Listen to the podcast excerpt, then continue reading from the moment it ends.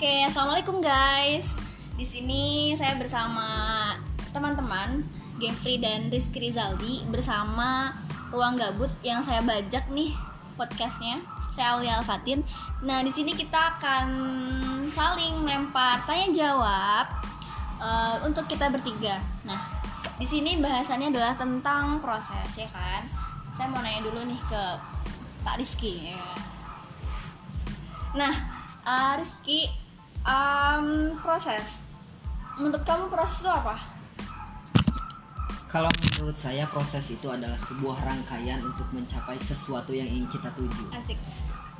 Misalkan uh, proses itu ibarat tangga. Untuk kita mencapai ke tangga yang lebih tinggi, berarti kita harus melakukan tangga untuk kita harus melewati tangga yang rendah terlebih dahulu. Artinya apa? Artinya kita harus melangkah terlebih dahulu, berproses terlebih dahulu untuk mencapai apa yang ingin kita tuju. Sesimpelnya itu. Asik. Mantap. Untuk Pak Gefri, kira-kira kan banyak nih ya dari kita selalu bilang, ayolah berproses gitu kan. Ya udah nggak apa-apa, kan ini proses gitu-gitu kan. Banyak orang yang selalu menggunakan kata proses dalam memaknai apa ya, dalam meng- mengungkapkan sesuatu. Kira-kira untuk Pak Gefri sendiri apa sih proses itu? Kalau menurut saya proses itu adalah sebuah perjalanan yang kita tuju dengan langkah-langkah yang kita rencanakan. Hmm, Seperti itu itu adalah sebuah proses. Oke. Jadi proses itu intinya adalah dia mau mau untuk bergerak ya, Iya betul. mau untuk bergerak melangkah ke depan yang Hmm. lebih baik, bener gak? Betul. Betul sekali. Oh, Betul, iya, betul, iya, betul, iya. betul. Berarti Tapi eh, ada satu kata lagi yang seharusnya lebih bisa kita tekankan, Mm-mm. yaitu progres. Nah, Progres. Karena proses dan progres ini tentu dua hal yang berbeda, namun kayaknya mirip-mirip lah. Kalau proses itu ya perjalanan, langkah-langkah. Kalau progres tuh menghasilkan dari setiap langkah kita tuh.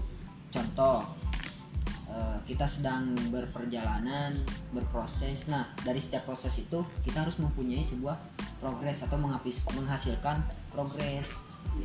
Jadi progres itu hasil sementara dari setiap proses. asik.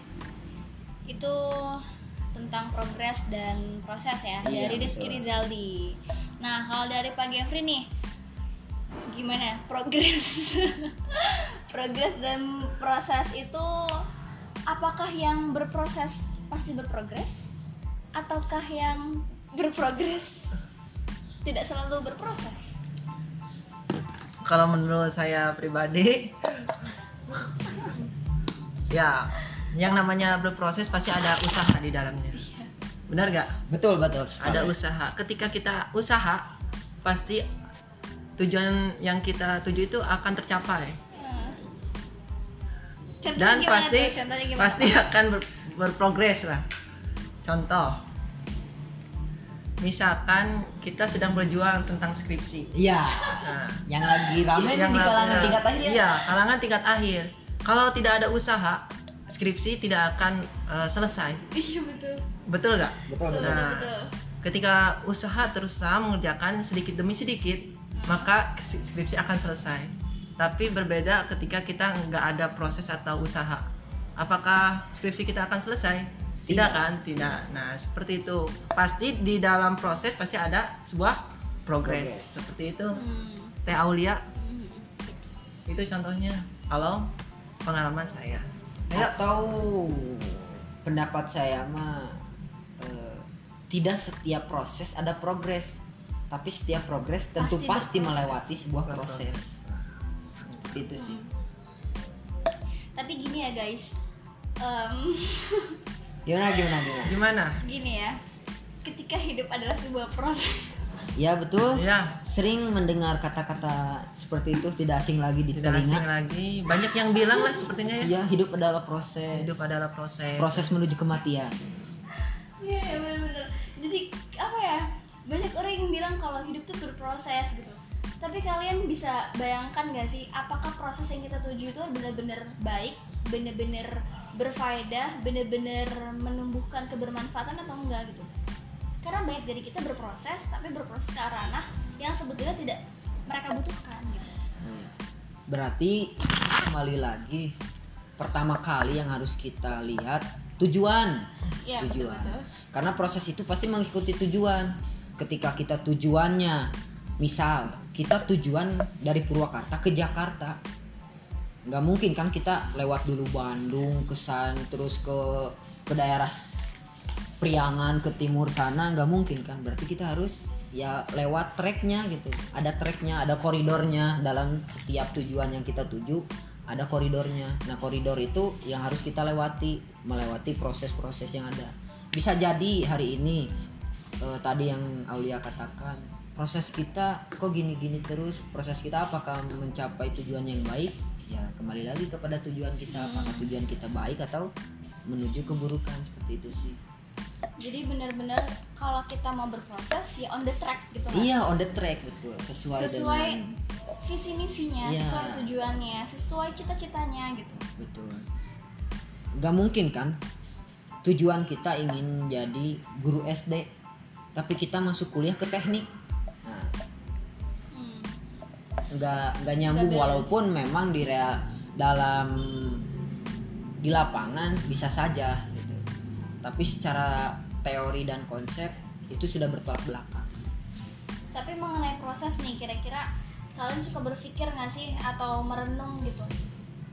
Waktu yang diberikan oleh Allah ke kita hidup di dunia itu kan sebentar ya ya Nah, sedangkan kita harus mencapai tujuan itu, kita harus mencapai proses itu. Tapi apakah hanya untuk saat kita hidup aja atau jadi hasil ya? Jadi hasil dari proses itu apakah hanya hanya dalam batas waktu tertentu atau limit tak terhingga gitu. Sampai benar-benar kalau kita udah meninggal pun ya hasil dari proses itu tetap bermanfaat gitu. Itu gimana sih? Ya berarti yang tadi saya sebutkan dasarnya dari tujuan dulu. Kalau memang tujuan atau orientasi kita hanya dunia ya prosesnya pun seputar keduniaan gitu. Kalau proses bukan proses kalau orientasi atau tujuan kita dunia dan akhirat ya berarti prosesnya pun meliputi dunia dan akhirat itu. Misal kita ingin sukses di dunia ingin juga sukses di akhirat. Ya tentu selama kita hidup di dunia kita berproses. Misalnya jadi guru aja lah jadi guru. Jadi guru. Ya berarti kita harus berproses eh, untuk mencapai jadi guru misal kuliah 4 tahun mengikuti perkuliahan dengan benar untuk mencapai tujuan kita menjadi guru. Kemudian tujuan kita juga ingin bahagia di akhirat. Ya berarti selain menuju proses untuk menjadi guru ya kita berproses juga bagaimana caranya kita bisa bahagia di akhirat misal beribadah dengan baik beribadah dengan rajin dan lain sebagainya. Intinya orientasi kita dulu yang harus diluruskan Seperti itu kalau menurut saya. Kalau menurut Gapri Kalau menurut saya ya benar gitu ya tujuan itu kalau misalkan kita eh, tujuannya dunia pasti akan mendapatkan dunia. Tapi kalau kita mencapai eh, menginginkan tujuan dunia akhirat pasti Allah akan memberikan dunia dan akhirat. Jadi eh, tujuan ini kita limit lah impian kita limit lah. Bebas mau ke mana aja yang paling tertinggi lah. Kalau misalkan kita eh, menginginkan tujuannya hanya terdekat aja nantinya suka sakit hati lah. Pasti eh, teman-teman pasti merasakan lah. Jadi impiannya sejauh mungkin kalau bisa eh, tujuan kita akhirat lah. Pasti ketika kita fokus kepada akhirat pasti dunia juga akan mengikuti. mengikuti. Iya. seperti itu. Hmm.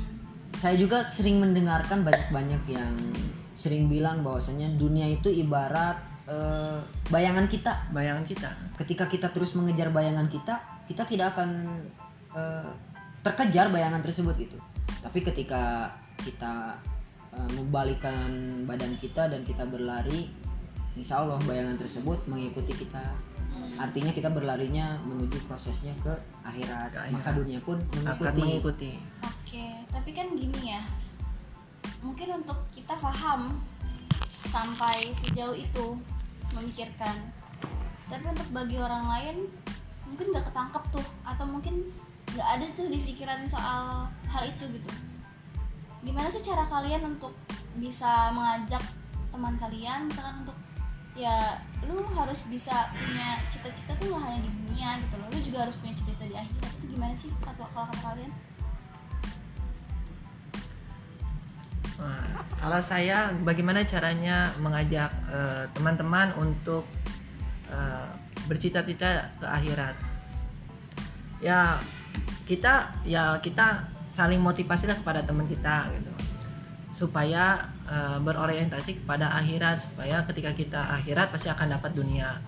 Tapi ketika kita tidak bisa mengajak eh, teman-teman kita, ya kita eh, kita dulu yang merasakan gitu. Pasti orang lain melihat kita oh si ini sukses nih. Pasti eh, orang itu rajin. iya duhanya ra- rajin misalkan Sedekahnya banyak gitu ya. sedekahnya rajin. Pasti orang lain pasti melihat perilaku karena perilaku itu akan mudah diterima daripada ucapan omongan. gitu. Iya. karena kalau omongan menganggap orang lain itu apaan sih so, so alim so naon gitu ya. Nah seperti itu. Jadi perilaku sangat penting gitu. Hmm. Jadi on action. Iya. Talk more do more. Jadi sebelum kita ngomong ke orang lain dari kita dulu. Lakukan Ah, dulu. lakukan dulu. Baru kita memberikan motivasi kepada orang itu. Ya betul betul. Karena bisa jadi orang tuh bukan tidak percaya dengan omongan kita. Tapi mereka tuh justru menanyakan apakah sang pembawa perubahan itu konsisten terhadap apa yang dibawakan? Gitu ya nggak? iya betul karena jangan sampai omongan tuh hanya sebatas bualan belaka hanya sebatas ah bullshit kayak gitu gitu kan. Itu juga banyak. Kalau untuk Paris gimana? kalau untuk saya pribadi memang sih ini hal yang sulit lah. Intinya kan men- menyadarkan orang lain intinya menyadarkan orang lain. Yang paling penting kitanya dulu sadar gitu. Kitanya dulu punya prinsip ketika kita sudah punya prinsip kitanya sadar maka kita akan tergerak. Tergerak untuk apa? Pertama untuk diri kita sendiri untuk membuktikan. Kedua untuk mengajak. Nah ini. Karena betul tadi kata Kang Gepri nih kalau hanya ucapan ya sulit didengarkan gitu. Harus dengan tindakan. Ini juga sesuai dengan dakwah Rasul lah Rasul bagaimana dulu ketika ingin membangun sebuah peradaban kan beliaunya dulu yang luar biasa. Bahkan cita-citanya juga kan menyempurnakan akhlak. Berarti akhlaknya kita dulu yang perlu kita perbaiki. Seperti itu sih. Memang ini hal yang sulit namun up namun kalau kita perjuangkan ya pasti kita bisa. Intinya kalau kita kuat di prinsip dan kita kuat maka bisa kita lewati. Terus ada juga eh, lebih ke kenyamanan biasanya. Kalau komunitas ini nyaman diajak apa pun bisa diajak gitu. ya betul Betul betul. kan? betul. Kenyamanan. Tapi kalau misalkan ah saya emang nggak nyaman di komunitas ini ya apa-apaan ucap eh, ngajak-ngajak gitu. Tapi kalau misalkan udah nyaman di sebuah komunitas itu mudah sekali gitu untuk ajak ya ke jalan yang benar. Gitu. artinya kita ya membuat diri kita dulu nyaman untuk Iya. orang lain ya? Nah itu. Hmm. bagaimana maksudnya caranya? betul betul logis logis sepakat ya kita harus membuat kitanya dulu Kitanya nyaman, dulu nyaman. agar orang-orang yang dekat dengan kita tuh merasa nyaman dekat dengan kita Boh, bukan merasa was-was takut dan lain sebagainya Sip, sip, sip. Jadi yang harus kita sama-sama muhasabah adalah bagaimana cara kita untuk menyampaikan, gak? iya iya betul Oke, kembali ke tadi ya, ke proses, ke proses tujuan.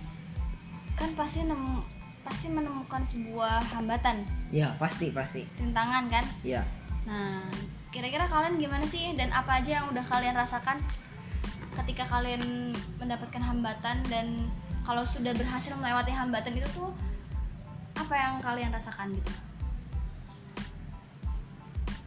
Oke, saya, saya dulu ya. Kalau saya ketika saya dapat hambatan, pastilah saya hampir setiap hari lah mendapatkan hambatan. Namun saya kembali lagi yang tadi modalnya, prinsip. Ketika saya mendapatkan hambatan, ya kembali lagi prinsip saya mau dibawa ke mana gitu. Tujuan saya mau dibawa ke mana? Saya review kembali tujuan saya untuk apa saya hidup di dunia dan lain sebagainya. toh kalaupun ada hambatan masa saya mau menyerah di tengah jalan gitu terus tujuan-tujuan kamu yang lalu dikemanakan? Nah itu yang selalu jadi introspeksi diri saya jadi muhasabah saya. Bahkan saya hampir setiap mau tidur saya memikirkan sedari tadi siang dari tadi bangun pagi sampai saya sekarang mau tidur apa saja nih yang sudah saya lakukan dan apa yang bisa saya perbaiki di esok hari? Saya kadang-kadang saya melakukan hal tersebut gitu untuk apa untuk mengukur sejauh mana proses saya bisa melewati hambatan-hambatan yang ada seperti itu Nah, kalau saya pribadi tadi yang dikatakan Rizky yang dari awal bahwasanya proses itu adalah tangga demi tangga untuk mencapai sebuah kesuksesan. Nah, kalau misalkan kita memikirkan hambatan gitu, merasa kok gini gitu hambatannya. Kalau misalkan terus menerus memikirkan itu, bagaimana kita melangkah selanjutnya gitu. Nah, makanya udahlah kita kembali lagi kepada tujuan kita ke mana bahwasanya pasti kesuksesan akan datang ketika kita berusaha dan tidak tidak mengeluh sama sekali gitu. intinya tidak mengeluh ya Ya, intinya tidak, tidak mengeluh, mengeluh dan terus berusaha terus gitu. berjuang. terus berjuang sepakat sepakat bisa. Nah, soal tadi kan hambatan udah dijawab tuh. Terus kira-kira nih, kalau kata kalian, em, hal pertama kali yang kalian pikirkan itu ketika membangun sebuah tujuan, apakah tujuan itu semata-mata hanya dinikmati oleh diri sendiri atau kalian tujuannya ke orientasi oh yaudah saya sukses bukan untuk diri saya tapi juga untuk orang lain. Ya kan? Iya iya. Paham oh Pak? saya eh, saya berhasil ya berhasil bukan hanya untuk diri saya tapi juga untuk orang lain. Ya. banyak tuh sekarang orang-orang makin kaya tapi kekayaannya hanya dinikmati oleh dirinya sendiri gitu. Nah tanggapan kalian tuh kepada orang-orang yang seperti itu apa sih apa yang salah dalam dirinya ataukah tujuannya ataukah prosesnya ada yang keliru atau seperti apa Nah, kalau misalkan pandangan itu saya tidak bisa menjas orang lain seperti itu ya. iya betul Tapi mungkin saja kembali lagi kepada tujuan dia apa. Ah. Apakah materi kah? Apakah dunia- Kebermanfaatan. kebermanfaatan atau akhirat gitu. Kalau misalkan akhirat tidak akan seperti itu, pasti akan memberikan manfaat atau memberikan motivasi kepada orang lain. Bukan hanya menikmati diri sendiri. Nah, seperti itu kalau menurut pandangan Gepri pribadi, kamu melihat kasus seperti itu. Mungkin dari Pak Kang Rizky. sepakat sepakat karena memang kita tidak bisa menjudge orang Iya. lain itu kan jalan hidupnya Jalan gitu. hidupnya. mungkin dia melakukan hal tersebut karena emang tujuannya seperti Seperti itu untuk melakukan prosesnya agar tujuannya tercapai ya untuk dirinya pribadi mungkin ya. seperti itu sih kembali lagi ke tujuannya karena memang tujuannya seperti itu yang mau digimanakan lagi Oke. kan sekarang Rizky sama Gavri itu masih muda nih ya kan iyalah Oh iya, jelas jelas dong mudah. maksudnya punya cita-cita pasti cita-cita tuh nggak apa ya tinggi banget orientasi tuh tinggi banget gitu kan. Sesuatu tuh ingin dikejar dan digapai. Nah kira-kira ada pesan gak nih untuk anak-anak muda di seluruh dunia di seluruh belahan dunia atau untuk teman-teman? Bagaimana sih supaya kita bisa menikmati masa muda dengan proses yang bahagia? Ya. Eh, masa muda ini adalah masa di mana usia emas lah. Usia emasnya seorang manusia. Kalau nggak salah dalam Quran surat Arum ayat berapa lah saya lupa lagi ayatnya nanti bisa dicari. Masa muda ini adalah masa kuat di antara dua masa sulit. Masa sulit mana yang dimaksud? Masa sulit yang pertama adalah masa sulit ketika kita menjadi bayi atau kanak-kanak ini masa sulit kemudian dilanjut setelah kekan kekanak-kanak atau masa bayi lanjut ke masa muda masa remaja. Nah inilah masa emas masa kuat. Karena apa? Karena setelahnya setelah masa muda akan ada masa tua. Nah masa tua kita tidak akan bisa bergerak bebas dan bergerak lincah seperti masa muda gitu. Makanya masa muda ini disebut masa emas di antara masa kuat di antara dua masa lemah gitu. Makanya dalam hal ini kita manfaatkan. Mumpung kita masih muda mari kita manfaatkan usia muda kita dengan mengisi hal-hal yang produktif hal-hal yang bisa kita bermanfaat untuk orang lain. Karena sayang banget gitu ketika kita selagi muda tapi kita menghabiskan masa muda kita pada hal-hal yang tidak bermanfaat pada hal-hal yang hanya untuk kesenangan diri pribadi gitu. Sangat bermanfaat. Ini yang paling berbahaya. Karena apa dalam satu hadis juga disebutkan uh, tidak akan bergeser kedua cucu anak Adam ketika di akhirat kecuali ditanya lima hal. Dua di antaranya itu adalah tentang usia. Yang pertama usia selama hidup di dunia dihabiskan untuk apa? Yang kedua masa mudamu dihabiskan untuk apa? Berarti dua kali kita dipertanggungjawabkan. Yang pertama usia kita dihabiskan untuk apa? Yang kedua masa muda kita nih dihabiskan untuk apa sayang banget kalau nanti di akhirat kita ditanya usia kita masa muda kita dihabiskan untuk hal-hal yang tidak bermanfaat. Makanya untuk seluruh pemuda yang ada di penjuru dunia mana pun tetap semangat uh, manfaatkan masa muda kalian. Jujur saya juga bukan pemuda yang luar biasa. Saya ingin mencoba menjadi lebih baik lagi seperti itu. Seperti itu kalau dari saya. ya kalau dari Pak Gefri gimana? Ada pesan apa yang ingin Pak Gefri sampaikan untuk anak-anak muda di seluruh penjuru dunia? Ya kalau pesan dari saya untuk pemuda-pemuda yang lainnya ya seperti saya orang muda gitu ya. Uh, gunakanlah benar gunakan karena masa muda ini adalah masa emas. Uh, lakukanlah laku, uh, kegiatan-kegiatan yang bermanfaat. Ya seperti kita menanam pohon yang mana masa muda ini adalah pembibitannya ketika kita merawat merawat terus menerus dengan baik itu akan menghasilkan buah yang bagus gitu. Nah, sama seperti pemuda nih, kita lakukan, kita bibit, kita tanam kegiatan kegiatan-kegiatan manfaat nanti akan merasakan buah yang senang gitu. Akan merasakan kegiatan eh hasil yang mantap lah nanti di akhirat seperti iya, hmm, Masya Allah. Apa yang kita tanam itu yang akan kita petik. Nah, itu kalau kita menanam di masa muda dengan hal-hal yang tidak bermanfaat, ya pasti kita akan memetik hal yang tidak bermanfaat pula. Nah, seperti luar biasa sekali sahabat saya ini. Luar biasa sekali kalian berdua ya.